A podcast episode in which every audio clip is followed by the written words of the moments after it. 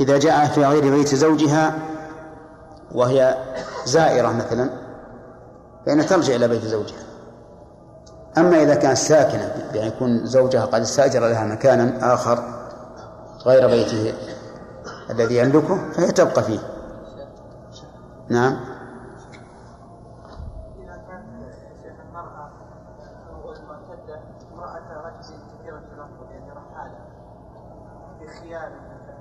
ها؟ إذا كان الرجل رحالة. الرجل. نعم. نعم. يعني ما له مقر؟ هنا تنظر آخر مقر مات فيه وتبقى فيه. ها؟ هنا نعم دون الانتقال إلا إذا كان مثلا في بر ما ما ما, ما عند أحد تخشى على نفسها. نعم. قول الله عز وجل ولا يخرج. حملنا هذا على أنه خروج خروج الانتقال ما هو خروج اي نعم مو بالخروج العادي طيب يا شيخ كيف لماذا لا نحمل حديث على انه خروج الانتقال لا خروج التمتع. كان تخرج تشتري أو تزور؟ يعني الأمر واحد ويمكن في بيته نعم.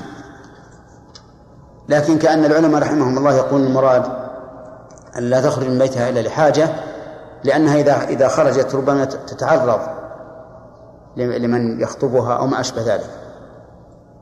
ولما كانت المحادة يحرم عليها ما لا يحرم على المطلقة شددوا فيه. نعم. شيخ بارك الله فيك. ذكرتم أن الرسول صلى الله عليه وسلم قد يجتهد برأيه قد يجتهد ويحكم باجتهاده نعم. ثم ينزل القرآن أحيانا بما يخالف ذلك الاجتهاد نعم. هل إذا كان حكم القرآن بعد ذلك بعد اجتهاد الرسول صلى الله عليه وسلم فترة مجيدة يعتبر من الناس والمنسوخ؟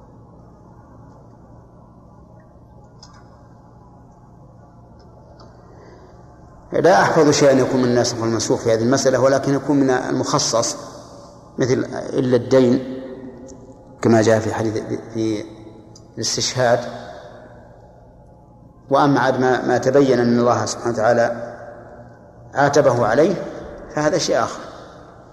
مثل عفى الله عنك لما أذنت لهم يا أيها النبي لم تحرم ما أحل الله لك وما أشبه. انتهى الوقت طيب. تبعهم بإحسان إلى يوم الدين.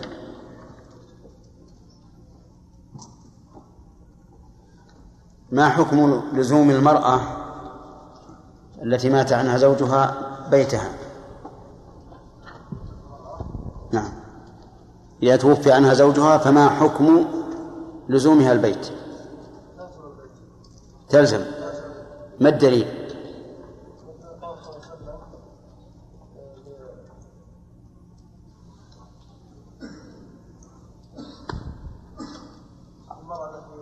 ما يكفي المرأة لأن المفروض أنك ما من الحديث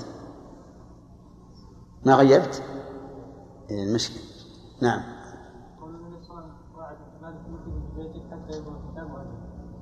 أحسن. والأصل في الأمر؟ الأصل في الأمر الوجوب. نعم. متى يجوز لها الخروج؟ خالد بن حامد. يجوز لها الخروج عند داود؟ إذا خشيت من محذور إذا خشيت من محذور. يعني أن يقتحم عليها أحد. البيت أو يعني يعني تحول. تحول الشيخ من البيت أو تخرج لحاجتها. لا أنا أريد تحول من البيت. نعم. إذا خشيت إذا خشيت أن يدخل عليها البيت أو على نفسها نعم على نفسها أحمد؟ أو عقلها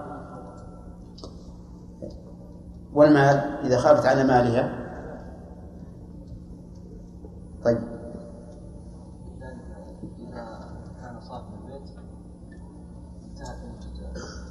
إذا كان البيت مستأجرا فتمت المدة فحولت. يعني طيب. هل يجوز لها أن تخرج من البيت لا تحولا؟ يجوز أن تخرج من البيت لا تحولا؟ نعم. لا لا يجوز. لا يجوز مطلقا. لا إلا إذا كان ضرورة. مثل. مثل خ- كما قلت يا رسول الله أن زوجي طلقني ثلاث طلقا ما فيها ثلاثة. طلقني نعم لا في عندنا طلقني هي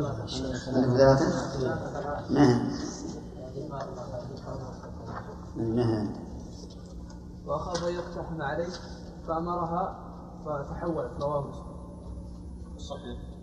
طيب. لا موجودة عندي طيب. مثل إيش؟ هذه المسألة التي ذكرت هذا التحول. لكن الخروج لغير تحول تريد تخرج تمشى مع الناس تتنزه. نزل المطر وأحبت تخرج للبر ها. مطلقا. مطلق طيب. السؤال هل يجوز لها الخروج أو لا؟ أخوك زميلك يقول لا. فسألناه هل مطلقا أو لا. فقال مطلقا. منصور. إلا لا يجوز إلا إذا خرجت من حاجة خاصة لكن لا يقوم بها إلا مثل مثل الزيت بالنخل أي طيب. لا بأس. نعم. يجوز لها أن تخرج؟ لأن ما فيها حكم الزوجات. متوفى عنها.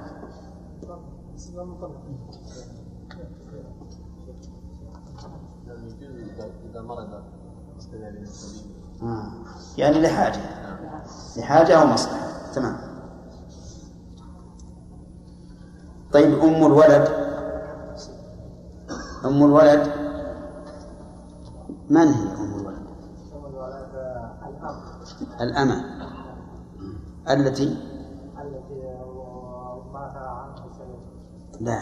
لا أم الولد الذي ولد منه الولد. أم الولد إيش؟ الأم الأمة. وإلا ولد. من أين؟ من سيدها. يعني من أتت بولد من سيدها. تمام. إذا مات عنها سيدها فما الحكم؟ لا اللي وراء. إذا مات عين سيدها؟ أي. تعتد أربعة أشهر وعشرا على خلاف. والراجح؟ الراجح أنها نصف الحكم إيش؟ نصف الحكم نصف الحق. يعني تعتد؟ نعم. شرفي تعتد بحيض يا شيخ تعتد؟ تستبرأ بحيض تستبرأ بحيضها لأنها ليست زوجة والعدة للزوجات فهي وهي ليست زوجة. طيب من أم الولد بندر؟ هل يشترط أن تلد ولدا كاملا حيا أو تكون أم ولد بالنطفة أو أم ماذا؟ لا بد أن تلد ولد كامل كامل خلقا. يعني قد تبين فيه؟ خلق خلق الإنسان تمام. هل تعتق بالولادة يا عبد الله بن عامر؟ لا قبل أن يموت هل تعتق؟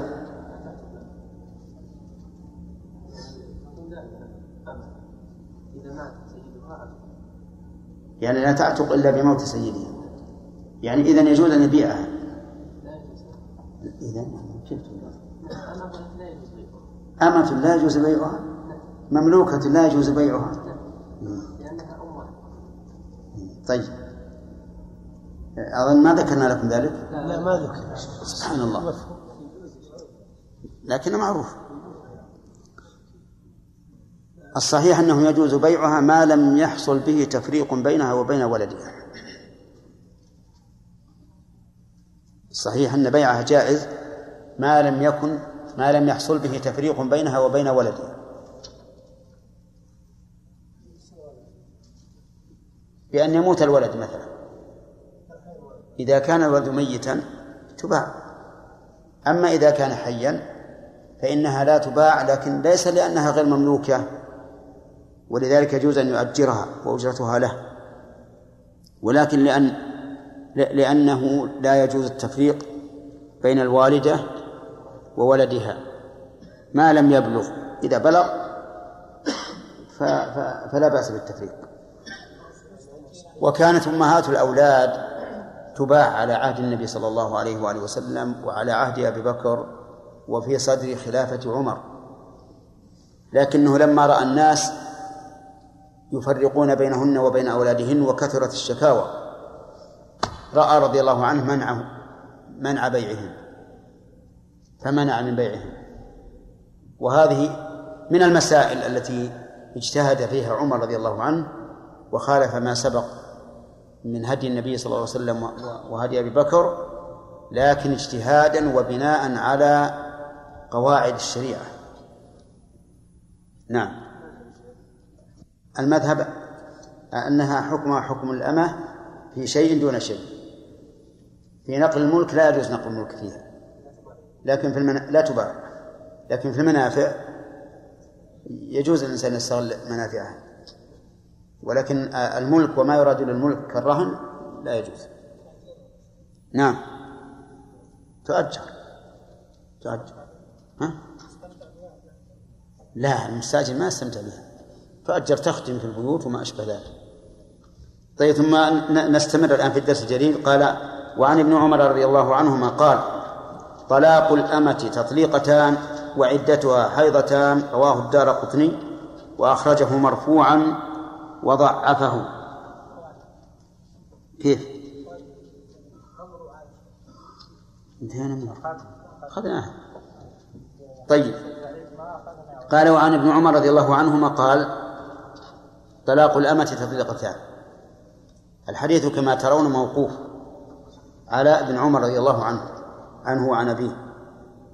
طلاق الأمة تطليقتان يعني أنها ليست ثلاثا.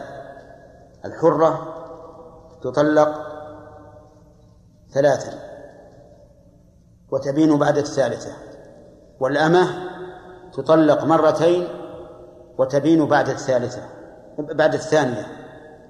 هذا معنى قوله طلاق الأمة تطليقتان.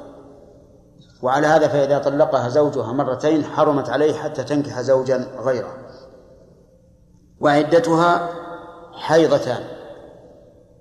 على النصف من الحرة. والحرة كم؟ ثلاث حيض لكنها حيضتان. ولم ولم يقل العلماء بحيضة ونصف لأن الحيضة لا تتبعض.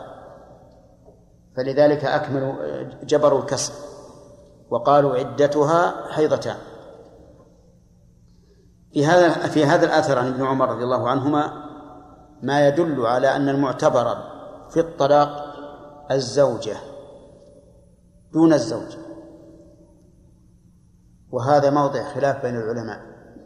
هل المعتبر في الطلاق الزوجة أو المعتبر الزوج؟ ويظهر أثر الخلاف فيما إذا كان الزوج حرا والزوجة أمة. فهل يملك الزوج هنا ثلاثة تطليقات؟ أو طلقتين. إذا قلنا المعتبر الزوجة لم يملك إلا تطليقتين. وإذا قلنا المعتبر الزوج ملك ثلاثا. وبالعكس لو كان الزوج رقيقا والزوجة حرة فهل يملك ثلاث تطليقات أو يملك تطليقتين؟ إن قلنا المعتبر الزوجة ملك ثلاثة تطليقات وإن قلنا المعتبر الزوج لم يملك إلا تطليقتين.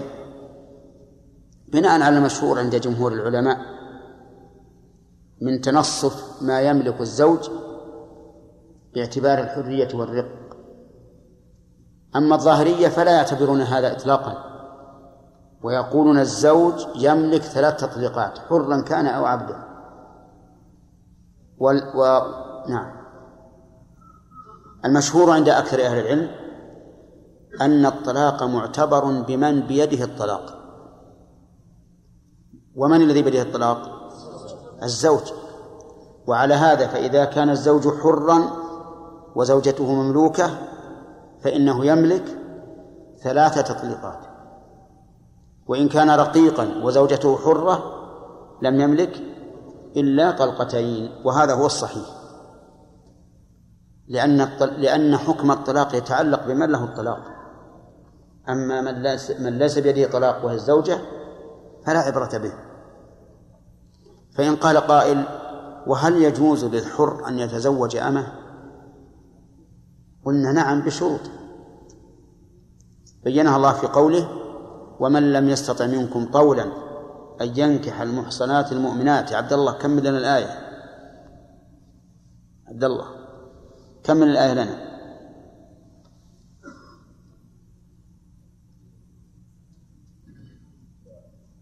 لا عبد الله. جيد لولا اتقاؤه على الجدار.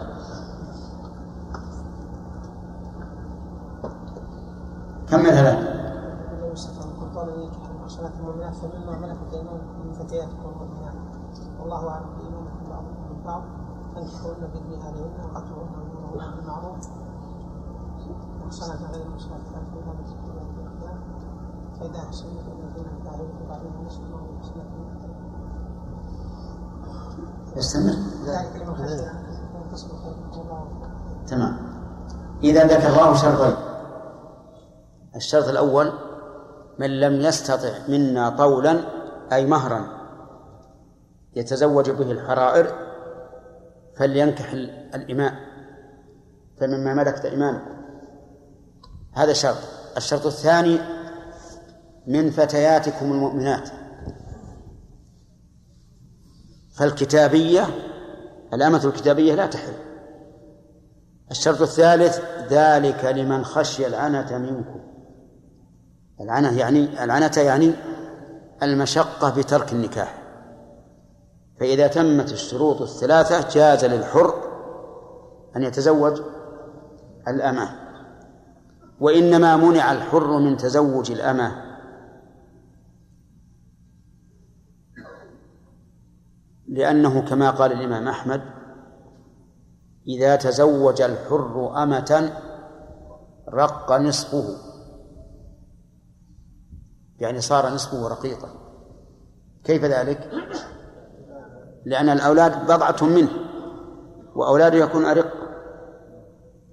ولهذا ذهب شيخ الإسلام رحمه الله إلى أنه إذا اشترط الحر على مالك الأمة أن تكون أولاده أن يكون أولاده أحرارا فلا بأس أن يتزوجها بدون شرط. لا بأس أن يتزوجها بدون شرط. لأن شيخ الإسلام في وقته ابتلي الناس بالإماء اللاتي أحسن وأجمل من الحرائر. لأنها مسبيات من الكفار وجميلات. والناس ينصبون عليهن. فرأى رحمه الله أنه إذا اشترط الزوج على مالك المرأة الأمة أن أولاده أحرار فإن العلة قد زالت فله أن يتزوج لكن الذي ينبغي أن يمشى على ظهر الآية لأن العلة التي ذكرها الإمام أحمد علة مستنبطة والعلة المستنبطة لا ينبغي أن يخصص بها عموم النص لماذا؟ لأن قد تكون علة غيرها وقد تكون علة مركبة من هذا ومن غيره أما إذا جاء النص على العلة فهنا لا بأس أن نخصص مثل قوله عليه الصلاة والسلام إذا كنتم ثلاثة فلا فلا يتناجى اثنان دون الثالث من أجل أن ذلك يحزنه. فهنا إذا كان الثالث لا لا يحزن لو تناجى اثنان عنده فلا نهي. فلا نهي.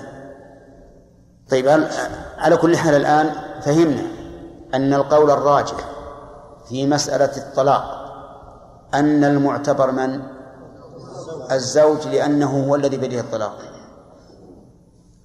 وأن أنه إذا كان حرا والأمة والزوجة أمة فله ثلاث طلقات. وإذا كان رقيقا والزوجة حرة فله طلقتان.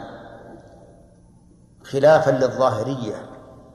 الظاهرية رحمهم الله يقولون للزوج ثلاث تطليقات مطلقة لأن الله عز وجل يقول الطلاق مرتان ثم قال فإن طلقها ولم يفرق. و... نعم. المسألة الثانية قال وعدتها حيضتان. هنا بين رضي الله عنه ابن عمر أن عدتها حيضتان. وعدة الحرة ثلاث حيض. وإذا كانت ممن لا يحيض أي الأمة فعدتها شهر ونصف لا شهران. لماذا؟ لأن الأشهر تتبعض الأشهر تتبعض فتكون عدتها آه، شهر شهرا ونصفا.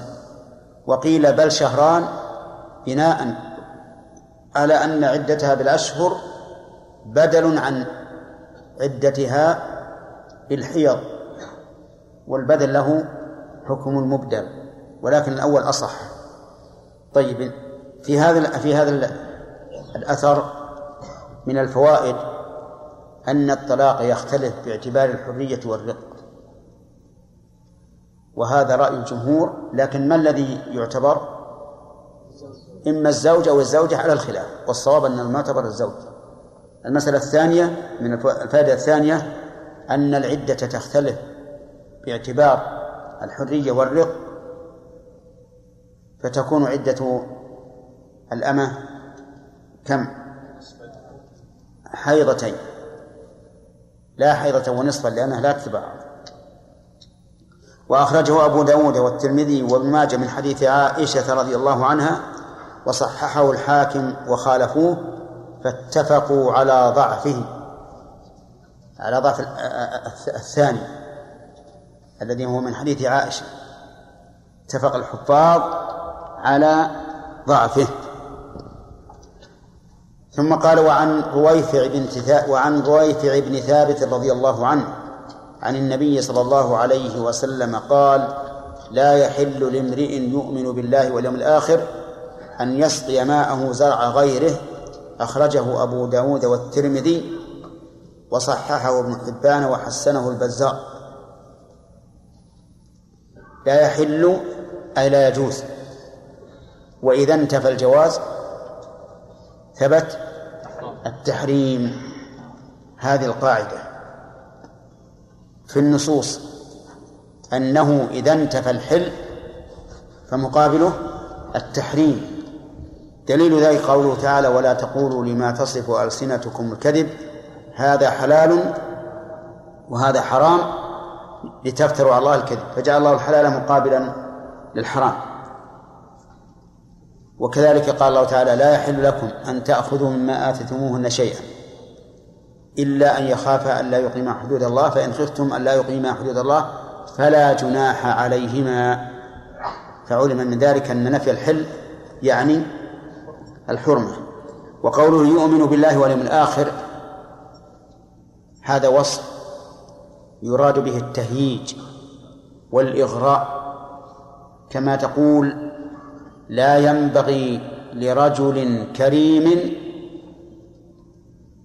أن يبخل على ضيفه. فكلمة كريم هذه يراد بها الإغراء والتهيج يعني أنه لإيمان بالله واليوم الآخر لا يليق به هذا الشيء. ولا يعني أن هذا القيد أن هذا الوصف قيد. فيكون الكافر يحل له ذلك. وقول بالله واليوم الآخر الإيمان بالله سبحانه وتعالى يتضمن الإيمان بربوبيته وألوهيته وأسمائه وصفاته.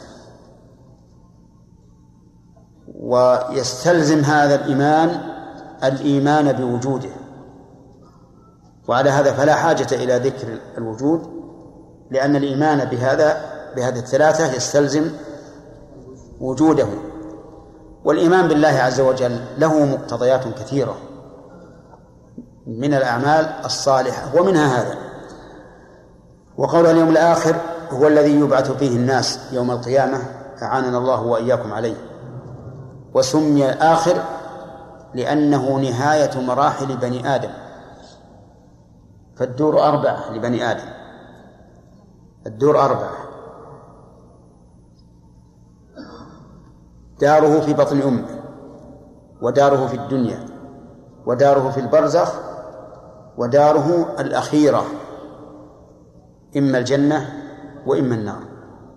ولهذا يقال اليوم الآخر لأنه ما في مرحلة رابعة خامسة هي آخر المراحل فسمي اليوم الآخر. آه يقول أن يسقي ماءه زرع غيره. أن يسقي ماءه زرع غيره. لو أخذنا بظاهر الحديث لكان فيه منع للإحسان لأن سقي الإنسان ماءه زرع غيره إحسان. بل قد نهى النبي عليه الصلاة والسلام عن بيع فضل الماء وأن الإنسان إذا كان عنده فضل ماء فليمكن الناس منه. لكن السياق يدل على أن المراد بالماء ماء أن المراد بالماء ماء النطفة. ماء النطفة. وبالزرع الحمل. الحمل. والدليل على أن المراد بزرع الحمل قوله تعالى نساؤكم حرث لكم. والحرث موضع زرع. فأتوا حرثكم أن شئتم. إذن لا يحل لإنسان أن يجامع امرأة فيها حمل لغيره. لا يحل للإنسان أن يجامع امرأة فيها حمل لغيره.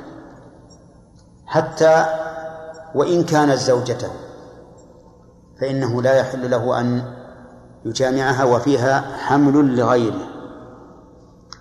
لو كانت زوجته؟ يمكن يمكن يمكن. يمكن بشبهة وغير شبهة بارك الله فيكم نعم. لو أن شخصا وطئت زوجته بشبهة كما قلت وحملت من الواطئ فالولد للواطئ الولد للواطئ وعليه فيجب على زوجها أن يتجنبها حتى تضع ولكنه يتجنب الوطء الذي يكون به السقي. أما المباشرة والنوم والتقبيل وما أشبه ذلك فلا يلزمه تجنبه. ويكون أيضا آه، الولد لغيره فيما لو تزوج امرأة. تزوج امرأة مطلقة من غيره على أن عدتها انتهت. ثم يتبين فيها حمل للزوج الأول. فهنا يلزم الزوج الثاني أن يتجنبها. صح؟ لا نقول بارك الله فيك. العقد غير صحيح. العقد هنا غير صحيح. لأن العدة لم تتم. فتبين الآن أن العقد غير صحيح. إذا نقول انتظر حتى تضع ثم اعقد عليها لأن العقد الأول غير صحيح. طيب وقوله زرع غيره الغير هنا هل المراد به من يملك هذا الزرع أو عاما؟ نعم. طيب أنتم فاهمين الفرق بين الأمرين؟ طيب ما الفرق يا هداية الله؟ يعني من الزوج أو من غيره؟ لا الزوج هذا زرع. زرع زرع. يعني زرع من غيره من غير هذا. لكن هذا الغير هل المراد من يملك هذا الزرع أو من يملك ومن لا يملك؟ نعم. اللوطي. لا ولا الزاني الزاني لا يملك. أي نعم. والواطي في ويملك اي نعم أحسنت تمام. يعني هل المراد زرع غيره أن يكون ال- ال- الحمل ملكا للغير يعني يلحق به وذلك في وطء الشبهة؟ هنا واضح أنه لا يجوز أن يجامع لكن إذا حملت من زنا فهل يجوز أن يطأها الزوج أو لا؟ الولد الآن ليس للزاني. الولد ليس للزاني. الولد للفراش والعاهر الحجر.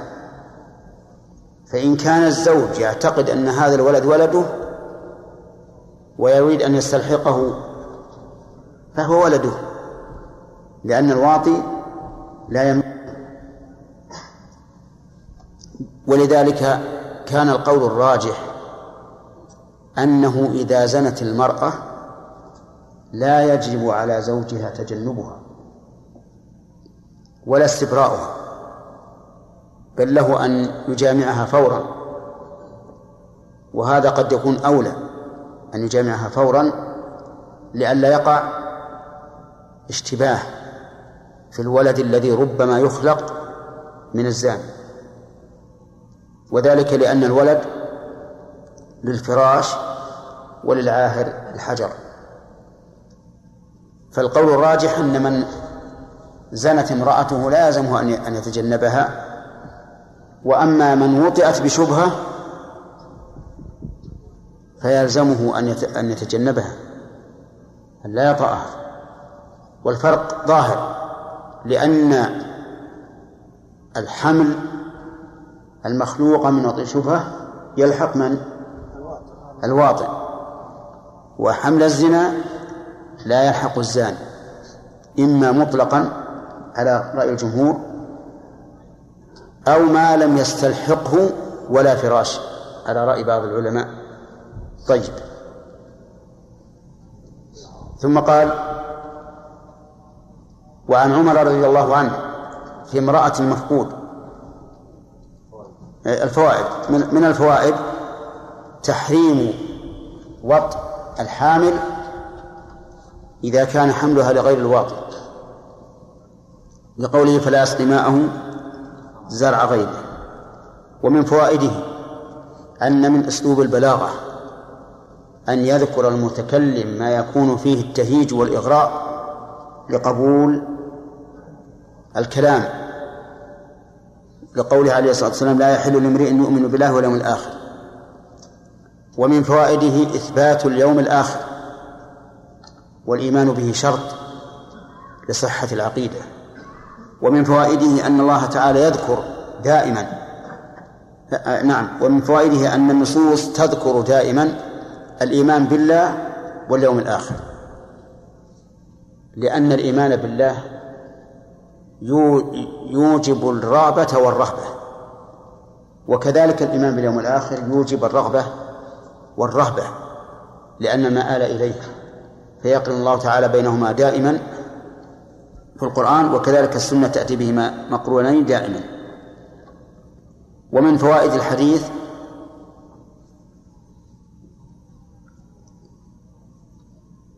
الإشارة إلى أن الجماع يزيد في الحمل.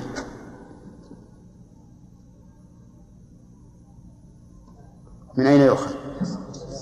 من قوله يسقي ماءه زرع غيره ومعلوم أن الماء إذا سقي به الزرع فإن الزرع ينمو ويزداد وقد قال الإمام أحمد إن الجماع يزيد في الحمل في سمعه وبصره ونموه وهذا على كل حال ينظر فيه إلى ما يقرره الطب هل هو يزيد أو لا يزيد؟ طيب فإذا قلنا إنه يزيد في الحمل قوة ونشاطا فهل نرغب في وطئ الحامل من أجل هذه الفائدة؟ الجواب نعم نرغب إلا أنه في في في الأشهر الأخيرة ينبغي للإنسان أن يتجنب الجماع لأنه ربما يضر المرأة ويشق عليها. وقد قال النبي عليه الصلاة والسلام اللهم من ولي من أمر أمتي شيئا فشق عليهم فاشقق عليه. ثم قال وعن عمر رضي الله عنه. ما تمت ال... ها؟ الوقت. نعم. أن رجلا استقى امراته ثم سافر إيش؟ أقول لو أن رجلا استقى نعم. امراته ثم سافر وش سوى استبرأها ثم سافر نعم. فوجدت قطة فيها منيا ولم تعلم به. فامتحشت فيها فتحملت منه هل يجب عليه اعتزالها إذا قادم؟ إذا تأكد هذا فإنه يعتزلها. نعم. ولكن الظاهر أنه في هذه الحال لو استلحق الولد فإنه لا معارض له. نعم.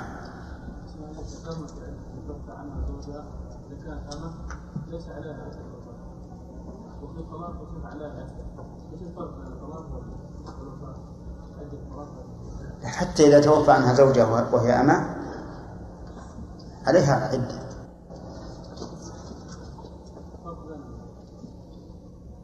إذا توفي إذا توفي عنها زوجها وهي أمة وجبت عليها العدة.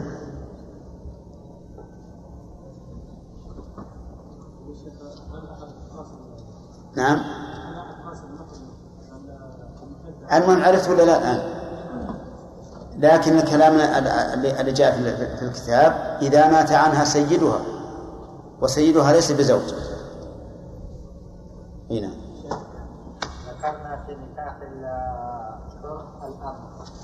الأمة يعني إذا أخذ الأمة حر بالنكاح ثلاثة شروط وإذا أخذ العبد الحر هل فيه شروط ولا إيه.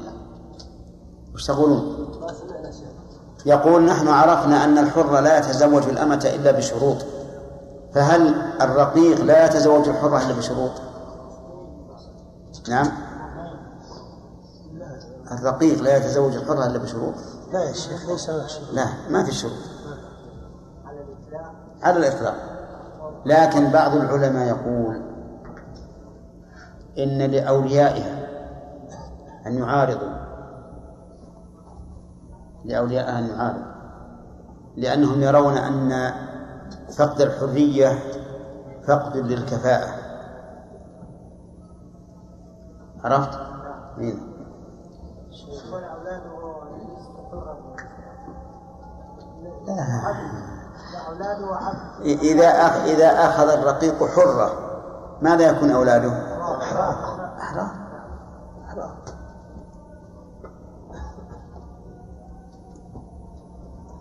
إيه، في إشكال من أولاد العبد أولاد من الحرة. أي نعم.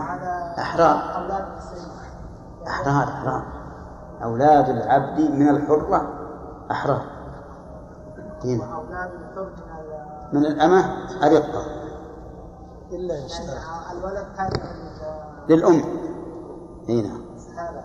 هذا هو. الله يا شيخ. إلا إن اشترى دائما اشترى هذا استثناء. نعم. أحسن الله إليك. قبل خروج المرأة للحاجة هل يدخل فيها المدرسة وإن كان وإن كانت خروجها للتدريس يعني لا يكون هناك له حاجة كأن يكون أهلها أغنياء هي هي وإن لم تكن في حاجة فالناس يحتاجون إليها. المدرسة يحتاج إليها.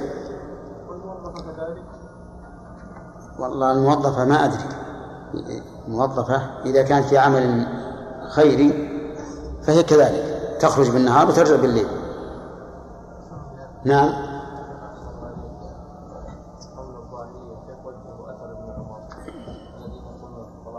يأخذون يأخذون بظاهر النصوص ظاهر الآية. ما ولا يعتبرون قول ابن عمر كغير- كغيره من الناس. نعم. والله أنا في نفسي من هذا يعني شك. يعني رأي الظاهرية لا شك لا شك أنه قوة. لا شك أنه قوة. وإذا لم يكن فيه حديث مرفوع يخصص عموم الآيات فالواجب الأخذ بظاهر الآيات حتى لو صح الأثر لو صح الأثر. لأن يعني عموما النصوص أقوى من من قول الصحابة.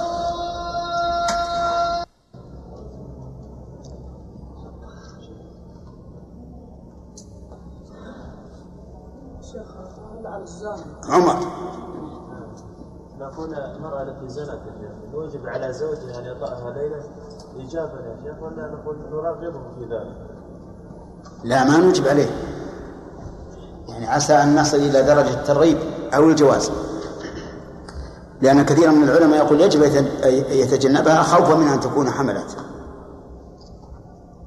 شيخ أحسن الله إليكم ذكرنا أن الحامل لها النفقة والسكنة من غير الحمل واستدلنا بعموم قوله تعالى وإن كن ولاة حمل فأنفقوا عليهن حتى يضعن حملهن. نعم. قد يقول قائل إن الذي ذكر في الآية إنما ذكر النفقة فقط والسكنة لم نعم. فكيف يعني نقول لها إن لها السكنى ولم ياتي دليل؟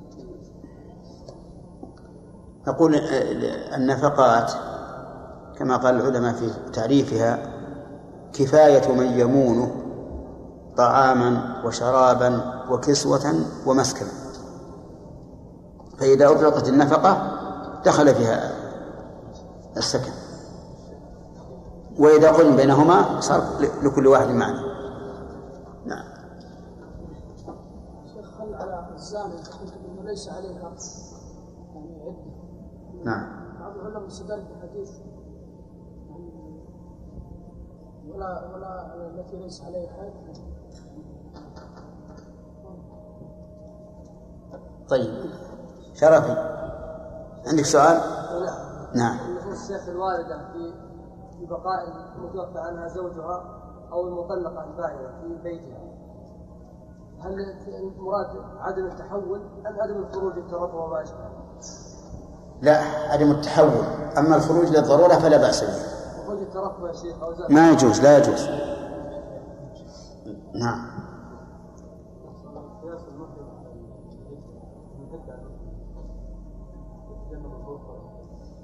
ما هو صحيح. نعم. شيخ إذا زنت المرأة وحملت من الزنا تجنبها زوجها. ماذا يجب عليه؟ يجب عليه الإعانة أو يطلقها أو يبقيها عنده يجب عليه الملاعنة لنفي الولد. خلافا للمذهب. المذهب يجب عليه أن يقذفها أولا ثم يلاعن وينفي الولد. وتبقى المرأة. تبقى. لكن إذا تم اللعان على المذهب إذا تم اللعان بانت. لكن الصحيح أنها أنها أنه لا يجوز أن يلاعن على أنها زنت. بل يلاعن على نفي الولد ولا ولا تبيت. نعم. ثم حملت منه فهذا هو زوج حكم كون. كون. ولده كون. فما الذي خص الحديث بأنه شرف؟ قلنا أنه زرع غيره. نعم. نعم. قال النبي عليه الصلاة والسلام وللعاهر الحجر. الولد للفراش وللعاهر الحجر. لا الزاني لو لو وطئ المرأة ما يصير فراش سبحان الله. الفراش بالنسبة للأمة من جامعها سيدها وبالنسبة لل- للزوجة من عقد عليها عقدا وأمكن اجماعه بها. اجتماعه بها. عرفت؟ والمسألة في مسألة الزوجة شوف كلام العلماء. يرى بعض العلماء أنها تكون فراشا بمجرد العقد. حتى لو كان هو في المشرق وهي في المغرب فهي فراشه وولدها له. ويرى آخرون أنه لا بد من إمكان اجتماعهما. لا بد من إمكان اجتماعهما فإذا عقد عليها ولم يمكن اجتماعه بها ولا يمكن اجتماعه بها كالذي في المشرق وهو في المغرب فإنها لا لا تكون فراشا حتى يمكن. ويرى آخرون أنها لا تكون فراشا حتى يفترشها حتى يفترشها فالأقوال ثلاثة لكن أضعفها من يقول مجرد العقد تكون فراشا ولو لم يمكن الاجتماع ها.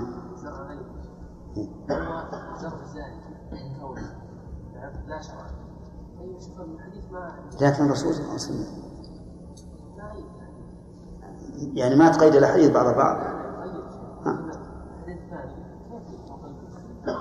ما دام قال الولد للفراش وللآهل الحجر فولد الزاني يكون لصاحب الفراش وهو الزوج أو السيد إذا كان قد جامع أمته. هذه. يوم الدين. ما هي الأقراء المذكورة في قوله تعالى والمطلقات يتربصن بأنفسهن ثلاثة قروء الأقراء الحيض هل هناك قول آخر؟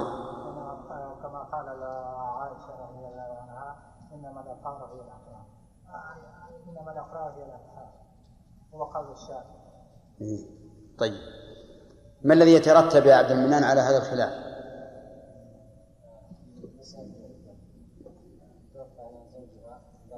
متوفى عنها زوجها. نعم.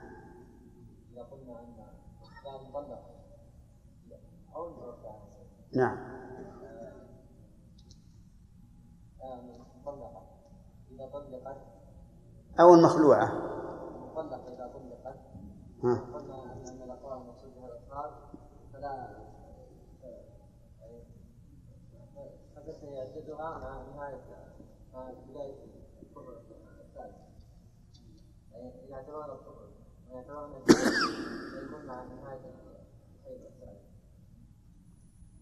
قيلي توافق على أن المراد الأطهار في المطلقة أو في المتوفى عنها لأن رجل اضطرب فمرة قال هذه ومرة قال هذه ومرة جمع بينهما. ها؟ في كليهما. نعم. خالد؟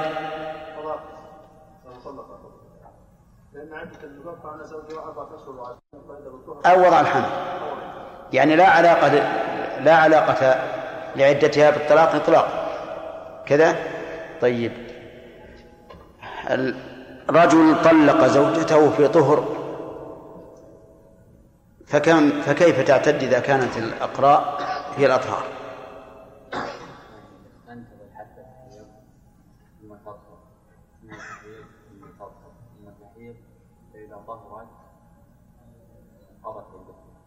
هذا على القول بين الأقراء الأطهار؟ يعني لازم تحيض الثالثة. طيب. شيخ نقول انها تنتظر أول طهر بعد بعد ما تحيض تنتظر أول طهر وهذا يكون واحد. ثم تحيض ثم تطهر وهذا يكون الثاني. ثم تحيض ثم تطهر ثم تنتظر حتى ينتهي طهرها وتبدأ الحيضة يكون هذا الثالث. يعني إذا إذا إذا دخلت في الحيضة الرابعة؟ أقول إذا دخلت في الحيضة الرابعة؟ ها؟ نعم. طيب. شرف. قبل تدخل في الحيض الرابعة إذا عادت في منتصف في منتصف الظهر إن كانت بدأت في نصف الظهر الأول. الحين ثلاث حيض ثم تنتظر حتى تكمل ظهرا ثالثا لانها إذا حاضت ثلاث حيض أكملت آه، طهران طهرين في- بينهم فتنتظر حتى تتم الظهر الثالث بعد الحيض الثالث إذا إذا إذا ما كما قال ناصر إذا شرعت في الحيضة الرابعة أليس كذلك؟ طيب وهذا هو الذي قررناه. في قول آخر يقول إذا شرعت في الحيضة الثالثة ويعتبر الطهر الذي طلقتها طل- طلقت فيه يعتبر واحدا يعتبره واحدا وفي قول ثالث التفصيل إن كان قد جامعها في هذا الطهر فإنه يلغى. وتنتهي العدة إذا إذا إذا شرعت في الحيضة الرابعة. وإن لم يطلقها فإنه يحتسب وتنتهي عدتها إذا إذا شرعت في الحيضة الثالثة. فمثل طلقها في الطهر نقول هذا واحد.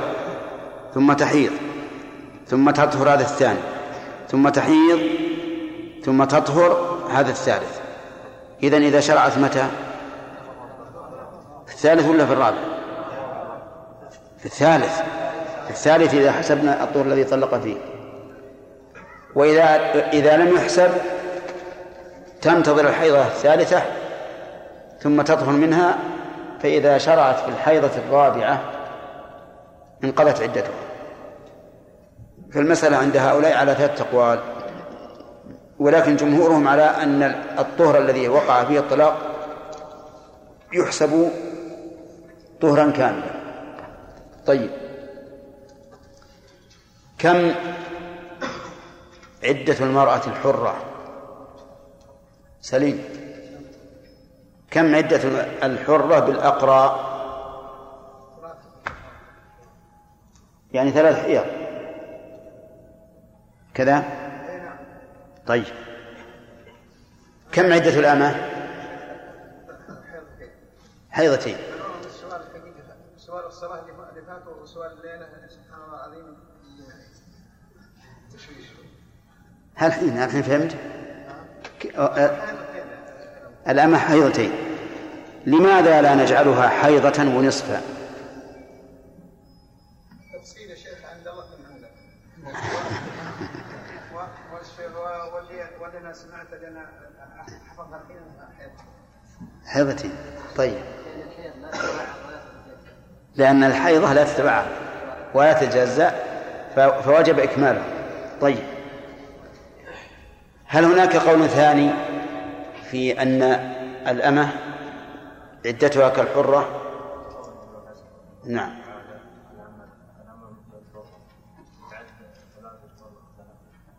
نعم. ما دليله؟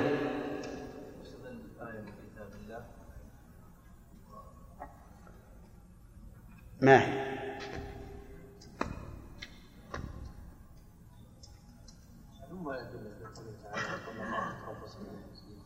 عموم قوله تعالى والمطلقات يتربصن بأنفسهن ثلاثة قروء كذا؟ طيب. تعليل أن الحيض أمر جبلي تستوي فيه الحرة والأمة. بماذا نرد قوله؟ الأخ. نعم. لا اللي وراك. ها. إي نعم. لأن تعليله قول عنده عموم الأدلة وعنده التعليل أن الحيض أمر جبلي تستوي فيه الحرائر والإماء ها؟ ما هو؟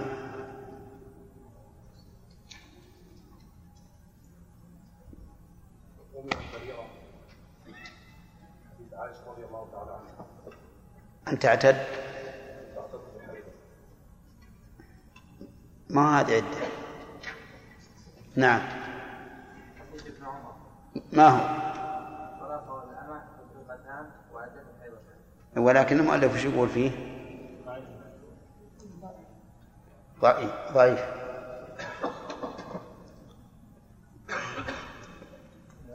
عدتها استمرار الرحم بس. حيضة واحد والله وبالنسبة للحر هذا من أين جاء هذا هذا قول شاذ. ولم يحدث إلا هذه الليلة فيما نعلم. يعني كما قال في حديث البريرة قال لا لا هذا الاستفراغ غير. المهم أن ذكرنا لكم أن الصحابة رضي الله عنهم الآثار المروية عنهم أن أن عدتها حيضتان. طيب. طلاق الأمة. كم؟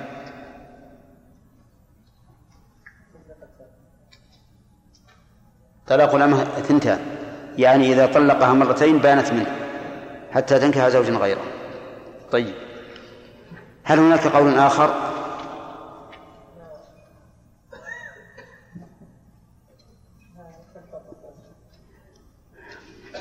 أن طلاقها ثلاث مرات؟ مطلقا. من هو قول هذا؟ طيب فيه قول ثالث؟ عبد الله؟ آه. لا ما قاسوها. هم حرب على القياس ما قالوا بالعموم. طيب في قول ثالث أيضا. نعم. أي المعتبر في ذلك الزمن إذا كان فرضا فله ثلاث نعم. وإذا كان رقيقا فله تطبيقات طيب وهذا هو الصحيح. هذا هو الصحيح.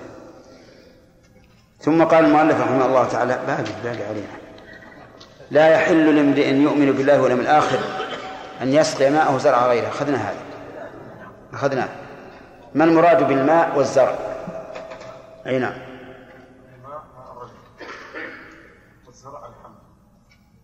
الحمل. أحسنت. ومعنى الحديث؟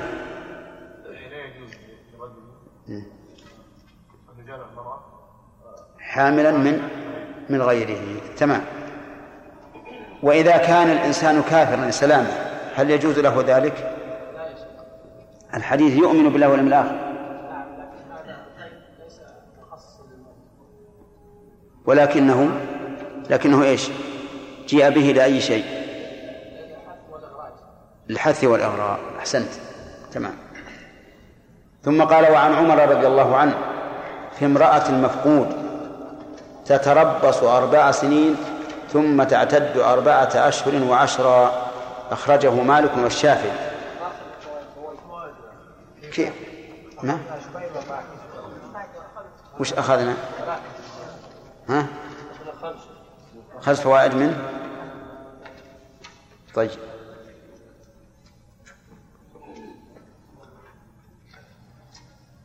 لو تدرون عليه رؤوسها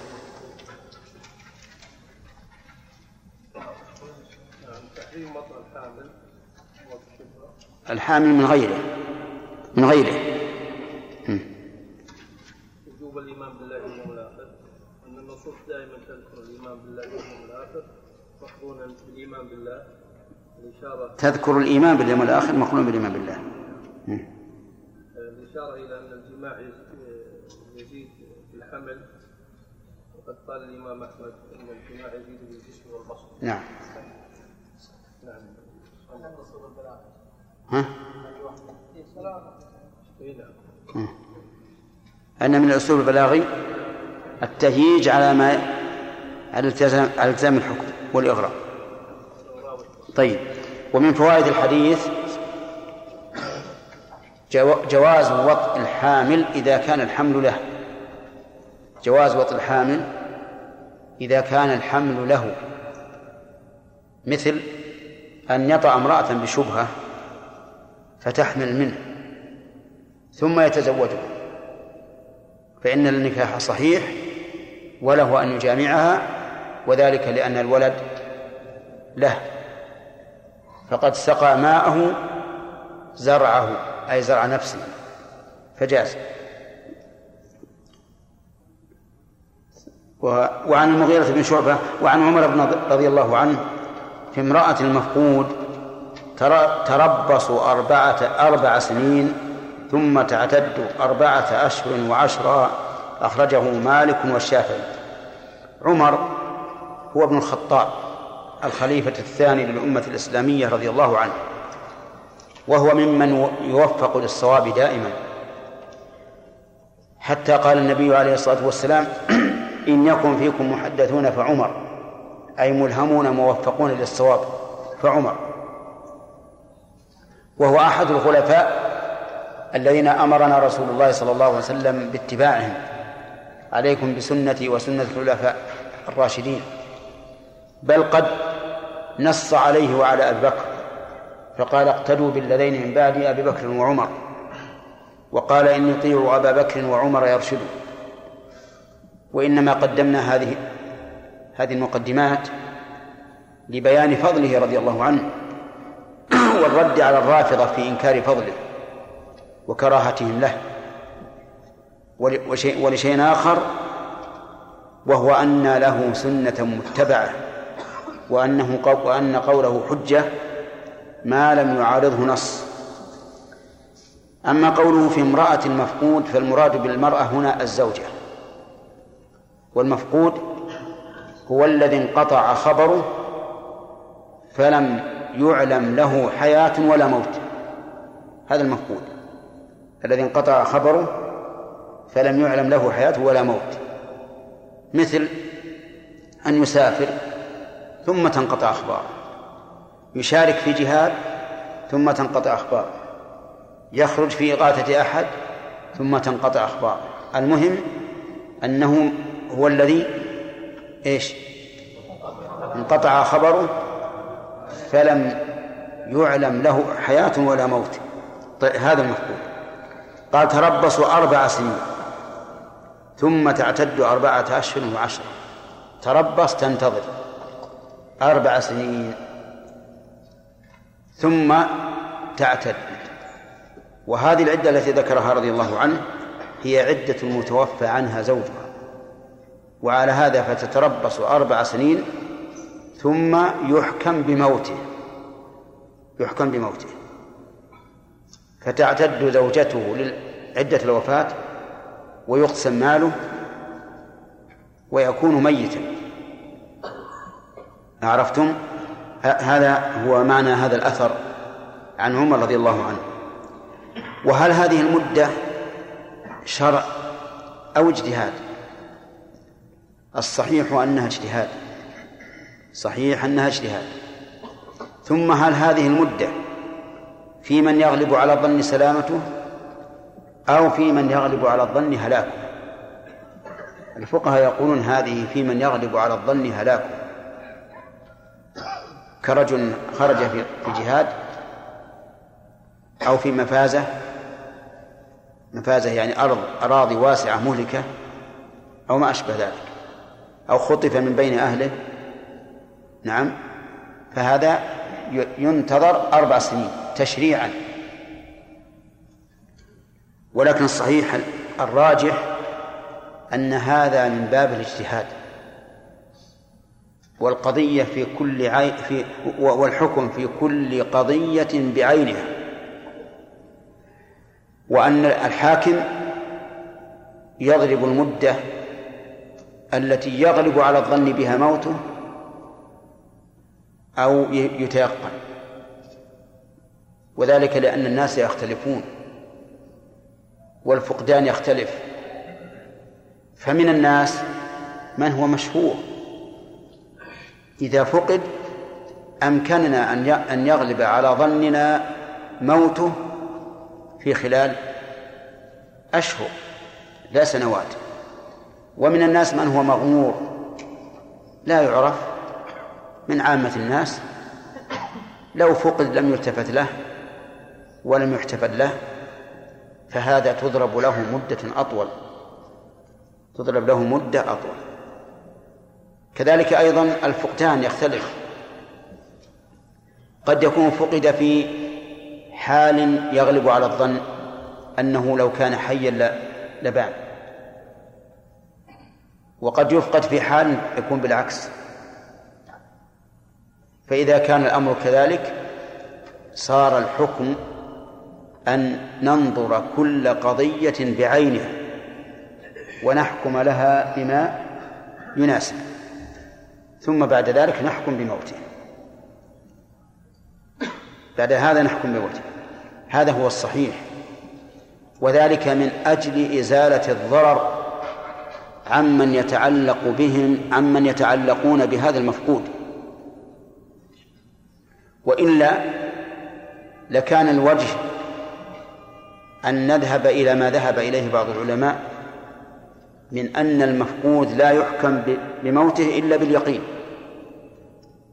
لأن حياته متيقنة واليقين لا يزال إلا بمثله إلا بيقين. فنبقى. نبقى. إلى كم؟ إلى تسعين سنة. وبعضهم قال إلى مائة وعشرين. بعضهم قال ينظر إلى أطول الأعمار من هذه القبيلة. بعض القبائل يكون إلى 150 و 160 نعم. ننتظر 160 سنة. ثم نحكم بعد ذلك بموته ولكن هذا قول ضعيف لا شك فيه. لأن إذا حكمنا بهذا أضررنا بأناس كثيرين. أضررنا بأناس كثيرين. الورثة سواء كان المفقود وارثا أو موروثا والزوجة فالصواب أن الحاكم يضرب له مدة. إذا غلب على الظن أنه هالك حكمنا بهلاكه. طيب حكمنا بهلاكه. ثم جاء بعد ذلك. جاء بعد هذا. فماذا نصنع؟ نرد الأحكام حتى تنطبق مع أحكام كونه حيا.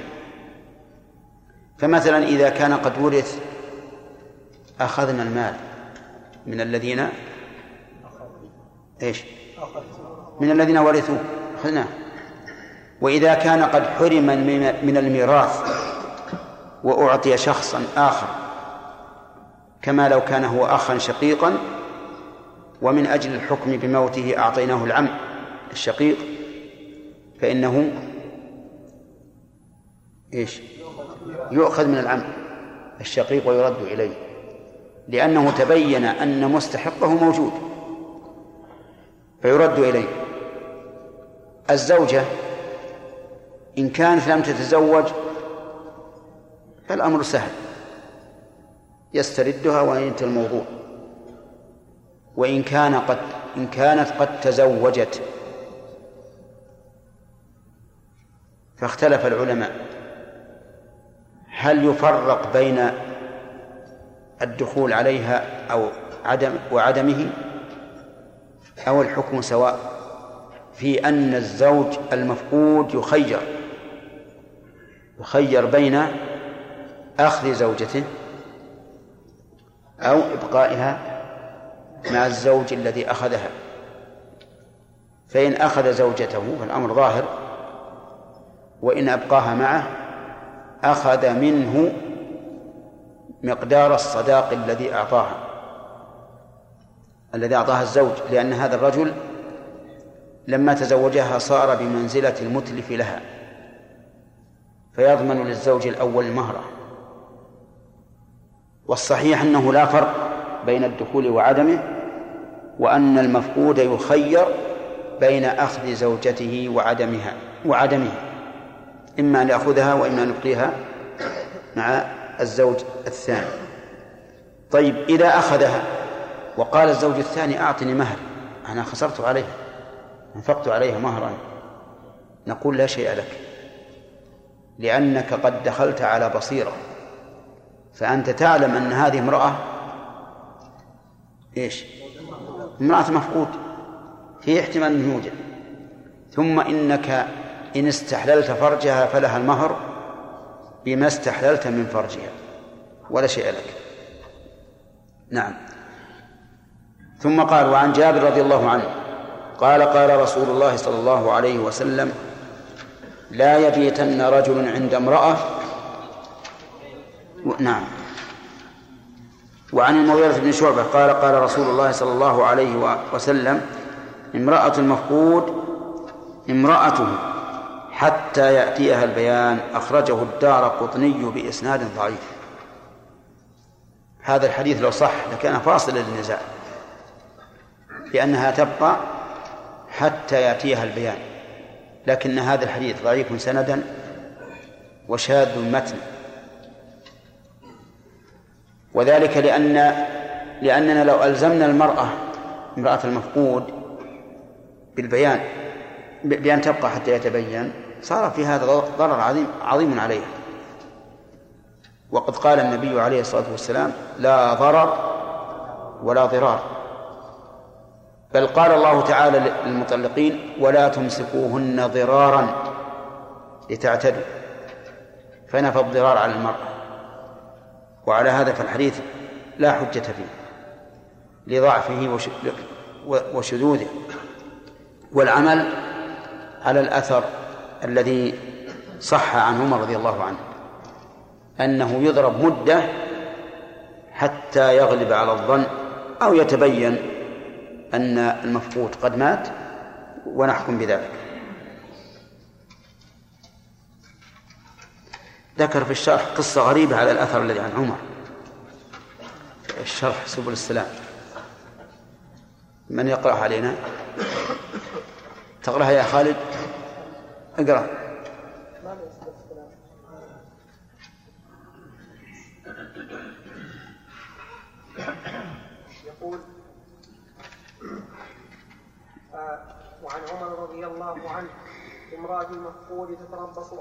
سنين ثم تعتد أربعة أشهر وعشرة أخرجه مالك والشافعي وله طرق أخرى وفيه قصة أخرجها عبد الرزاق بسنده في الفقيد الذي فقد.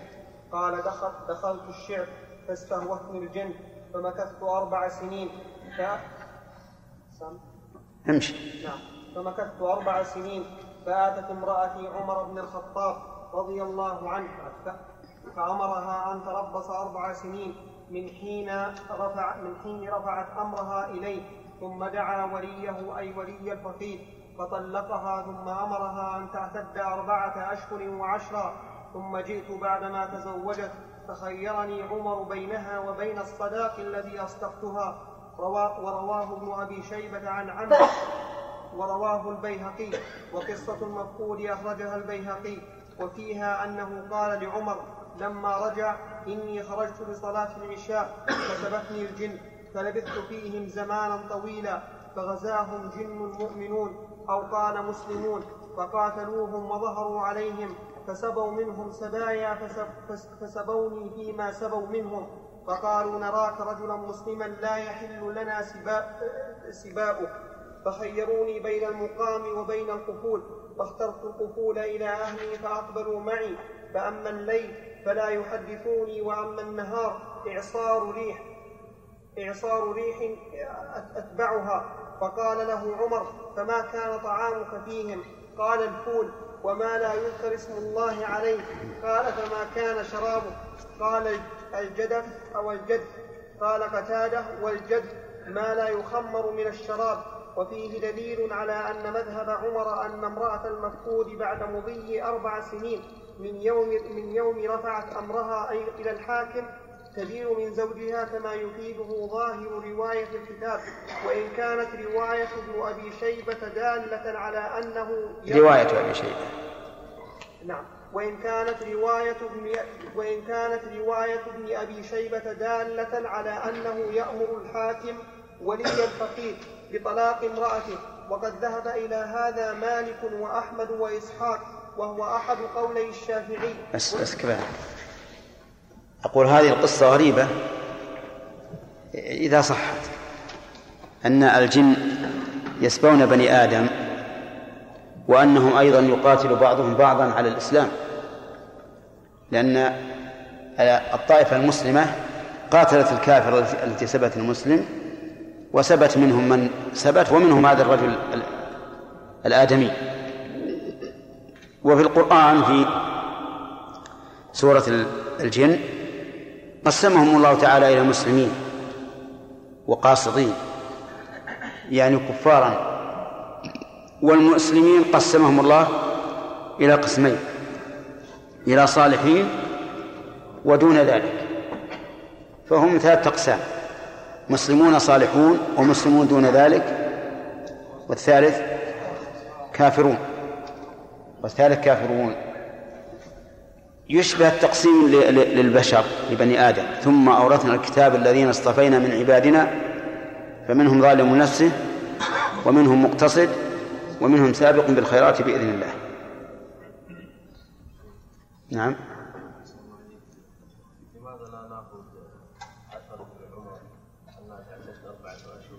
لماذا لا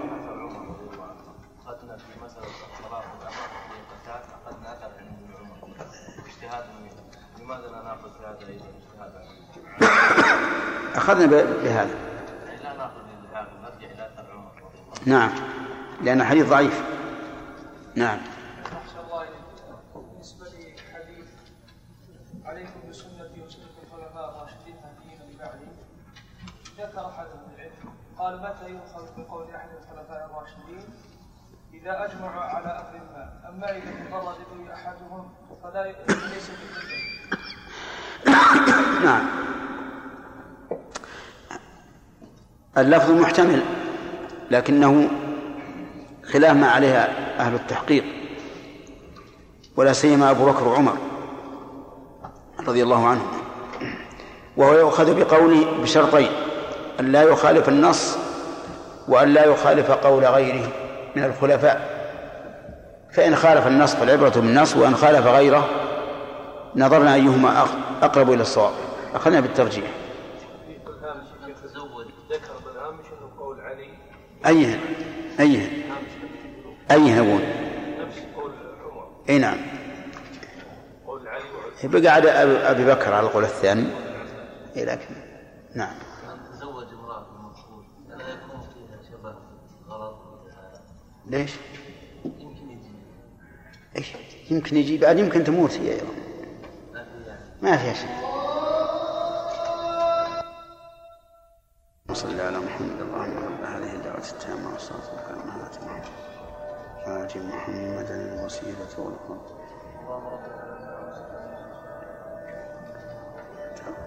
نعم.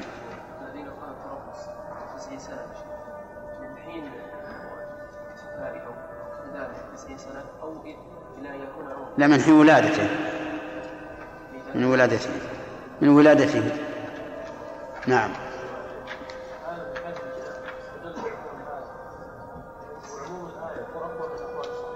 أي آلة؟ أي آية؟ نعم. لا مو هو بقوم لأن الصحابة رضي الله عنهم أعلم بدلالات الألفاظ. والعام الذي يراد به الخصوص موجود في القرآن بكثرة. نعم. هو أي مفهوم؟ أي مفهوم؟ المفهوم دلالته دلالة لفظية في الواقع لكنها في. في غير محل النطق ولكن المفهوم كما تعرف يصدق. بصورة واحدة يعني لا, لا بكل صو- صوره فإذا أخرج فرد من أفراد العموم عموم المفهوم أمكن أن يقال بأنه لا معارضة نعم شيخ سمان أحسن الله إليك لو فقد رجل هل تباع أصوله وعقاره في نفقة أولاده أو ما تلزمه نفقته؟ يعني بعد ما نحكم بم- بموته؟ قبل أو بعد. أما قبل فنعم إذا احتاجوا يباع منها بقدر حاجتهم فقط. وأما بعد موته فتباع كلها حسب الله يعني بعد الحكم بموته. تكون إرثا. نعم. الذين قالوا 90 سنة 90 عاما من- ولادته. لو فقد بعد التسعين ماذا يقول؟ يجتهد الحاكم. يجتهد. نعم. شيخ ذكرنا في حديث رويفع بن ثابت رضي الله عنه الفائدة أخيرة عنده. قلت إذا كان قلنا إذا كان حاملا بالوجه بالشبه وبعد لا يحتاج إلى إلى العلم. يعني يجوز يجوز يعني وجه لفظ. وكيف وعدة وعدتها وعدة هذه الزوجة مثل إنسان جامع امرأة يظنها زوجته. الشبهة شبهة. ثم لما حملت قال لأهلها زوجوني إياها. يعني فزوجوه إياها. فجمعها. يعني ليس لها عدة. عد- العدة لمن؟ عدة هذا للواطئ. والواطئ الآن بيتزوجها فله ذلك. يعني هذه زوجة قبل ما هي زوجة؟ ما هي زوجة؟ امرأة أجنبية. امرأة أجنبية. إن كان بالغير ما هي للغير؟ ما هو لازم للغير. إن كانت للغير فهو ما, ما, جامع. ويمكن يمكن يتزوجها وهي للغير.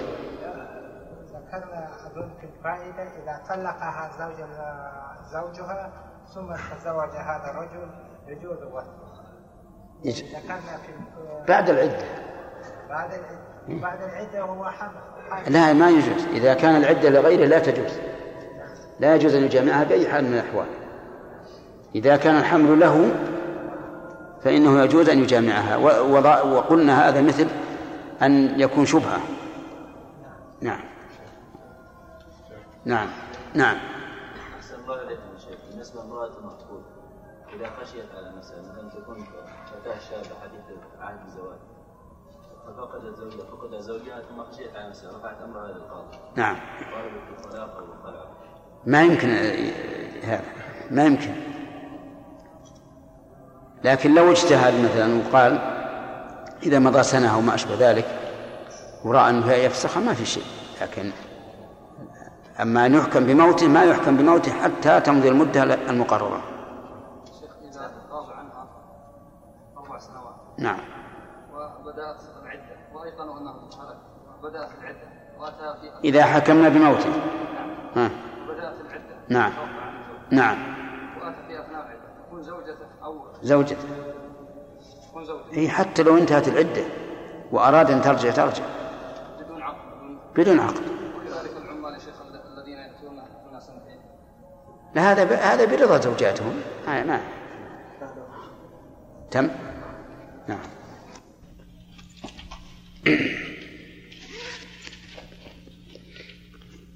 سمعنا يا موسى. من هو المفقود؟ خلف.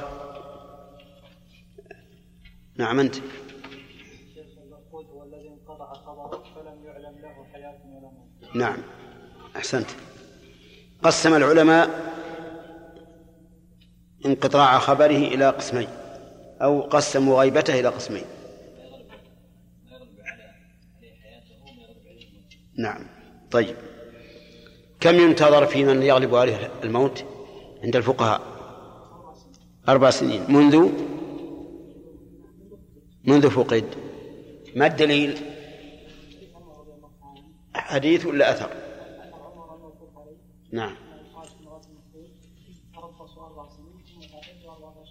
نعم.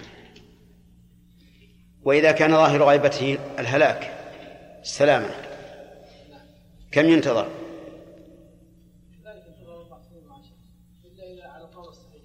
أربع سنين أربع سنين وعشرة.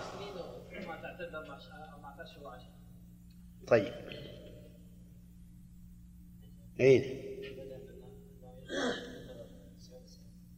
تسعين سنة منذ؟ منذ فقد. ها؟ إيش تقول أنت؟ منذ ولادته تسعين سنة منذ ولادته. طيب فإن فقد من له تسعون سنة؟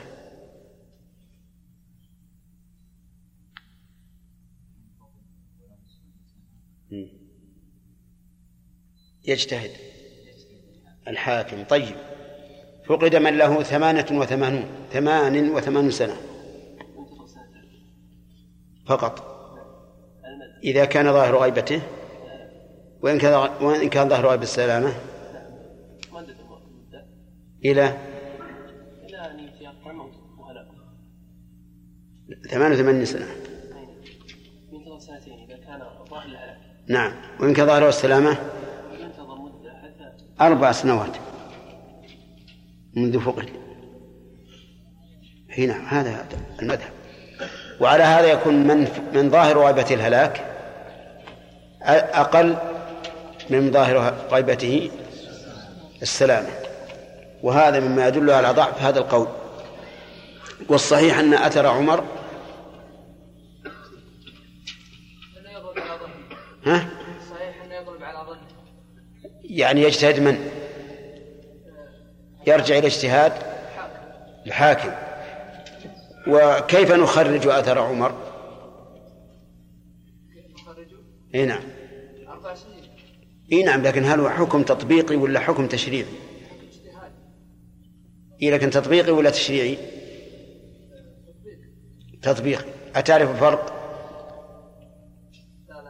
إذا كيف تقول تميز؟ نعم الحكم التشريعي هو الحكم المنزل من الله سبحانه وتعالى يعني لي- ليس باجتهاد إيه. الحكم التطبيقي هو أن قاعدة أغلبية ويطبق عليه. يعني خلاف السلام يرجع للحاكم نعم. الحكم التشريعي هو الذي آه، ذكر على أنه شرع وسنة. ومعلوم أن عمر له له سنة متبعة. والتطبيق هو الذي طبقه الحاكم على قضية معينة. قضية معينة. ما هي على أنها قاعدة عامة؟ فيكون عمر اجتهد في قضية معينة ورأى أنه ينتظر أربع سنين ثم يحكم بموته ظاهرا.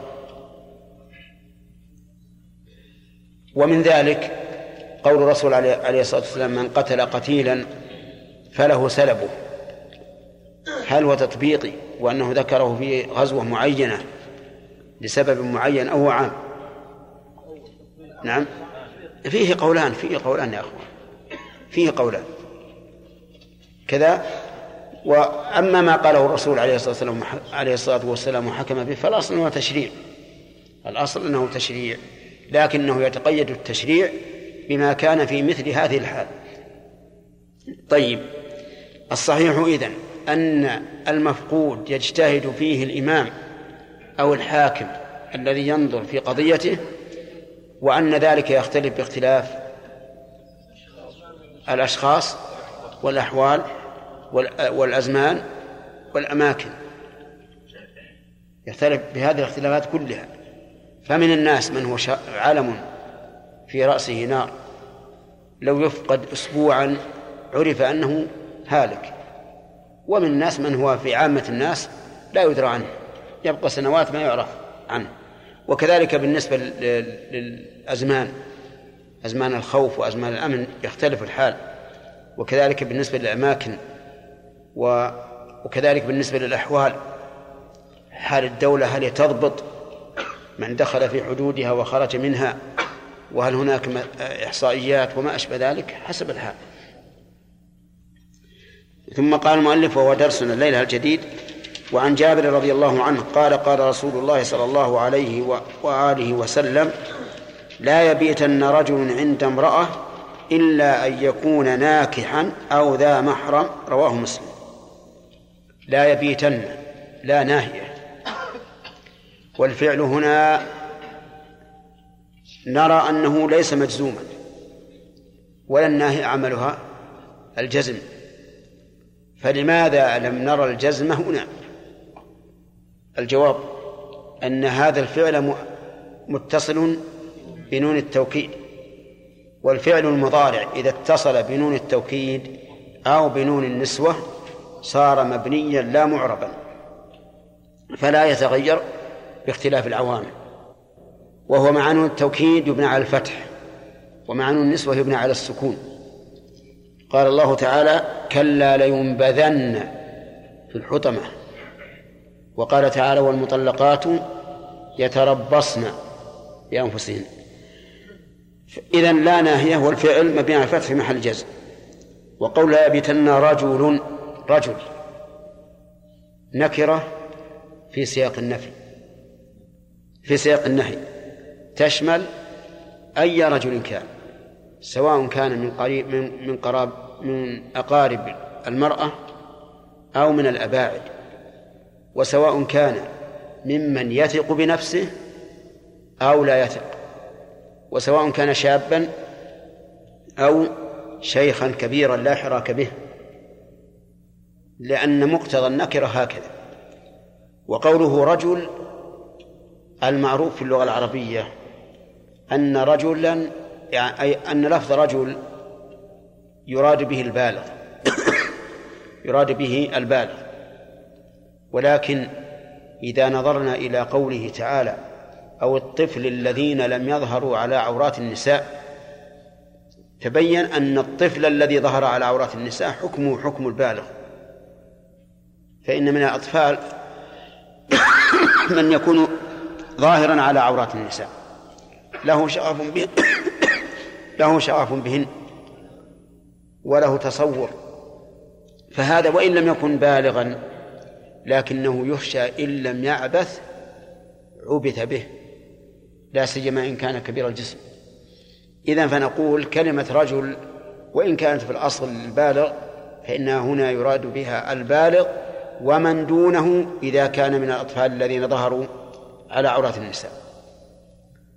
وهل يشمل العاقل آه العاقل والمجنون أو العاقل فقط؟ الثاني ولا الأول؟ يشمل العاقل والمجنون؟ نعم. يشمل العاقل والمجنون بل هو في المجنون أولى فلا يمكن المجنون من أن يبيت عند امرأة. وقوله عند امرأة نقول فيها ما قلنا في رجل. الأصل أن كلمة امرأة للبالغة. ولكن الظاهر هنا أنه يشمل من تتعلق بها الرغبة وإن لم تكن بالغة. أما الصغيرة الطفلة فلا تدخل في الحديث قطعا. وقوله إلا أن يكون ناكحا هو الزوج. والناكح هنا المعقود له النكاح وإن لم يدخل بها. أو ذا محرم أي صاحب محرم أي حرمة. وذو المحرم كل من تحرم عليه المرأة. بنسب أو رضاع أو مصاهرة.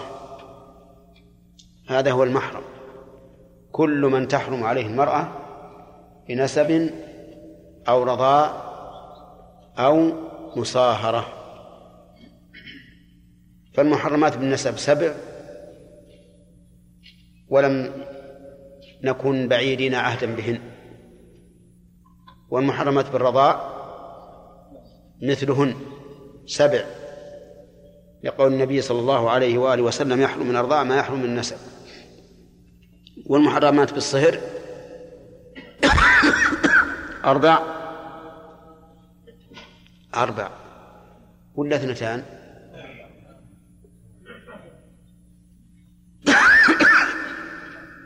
أربع. أصول الزوج وفروعه وأصول الزوجة. وفروعها حسب الشروط المعروفة في ذلك.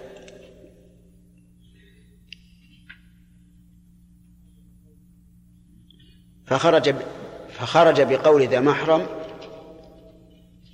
من ليس بذي محرم كالقريب الذي لا تحرم عليه المرأة أي لا يحرم عليه نكاحها.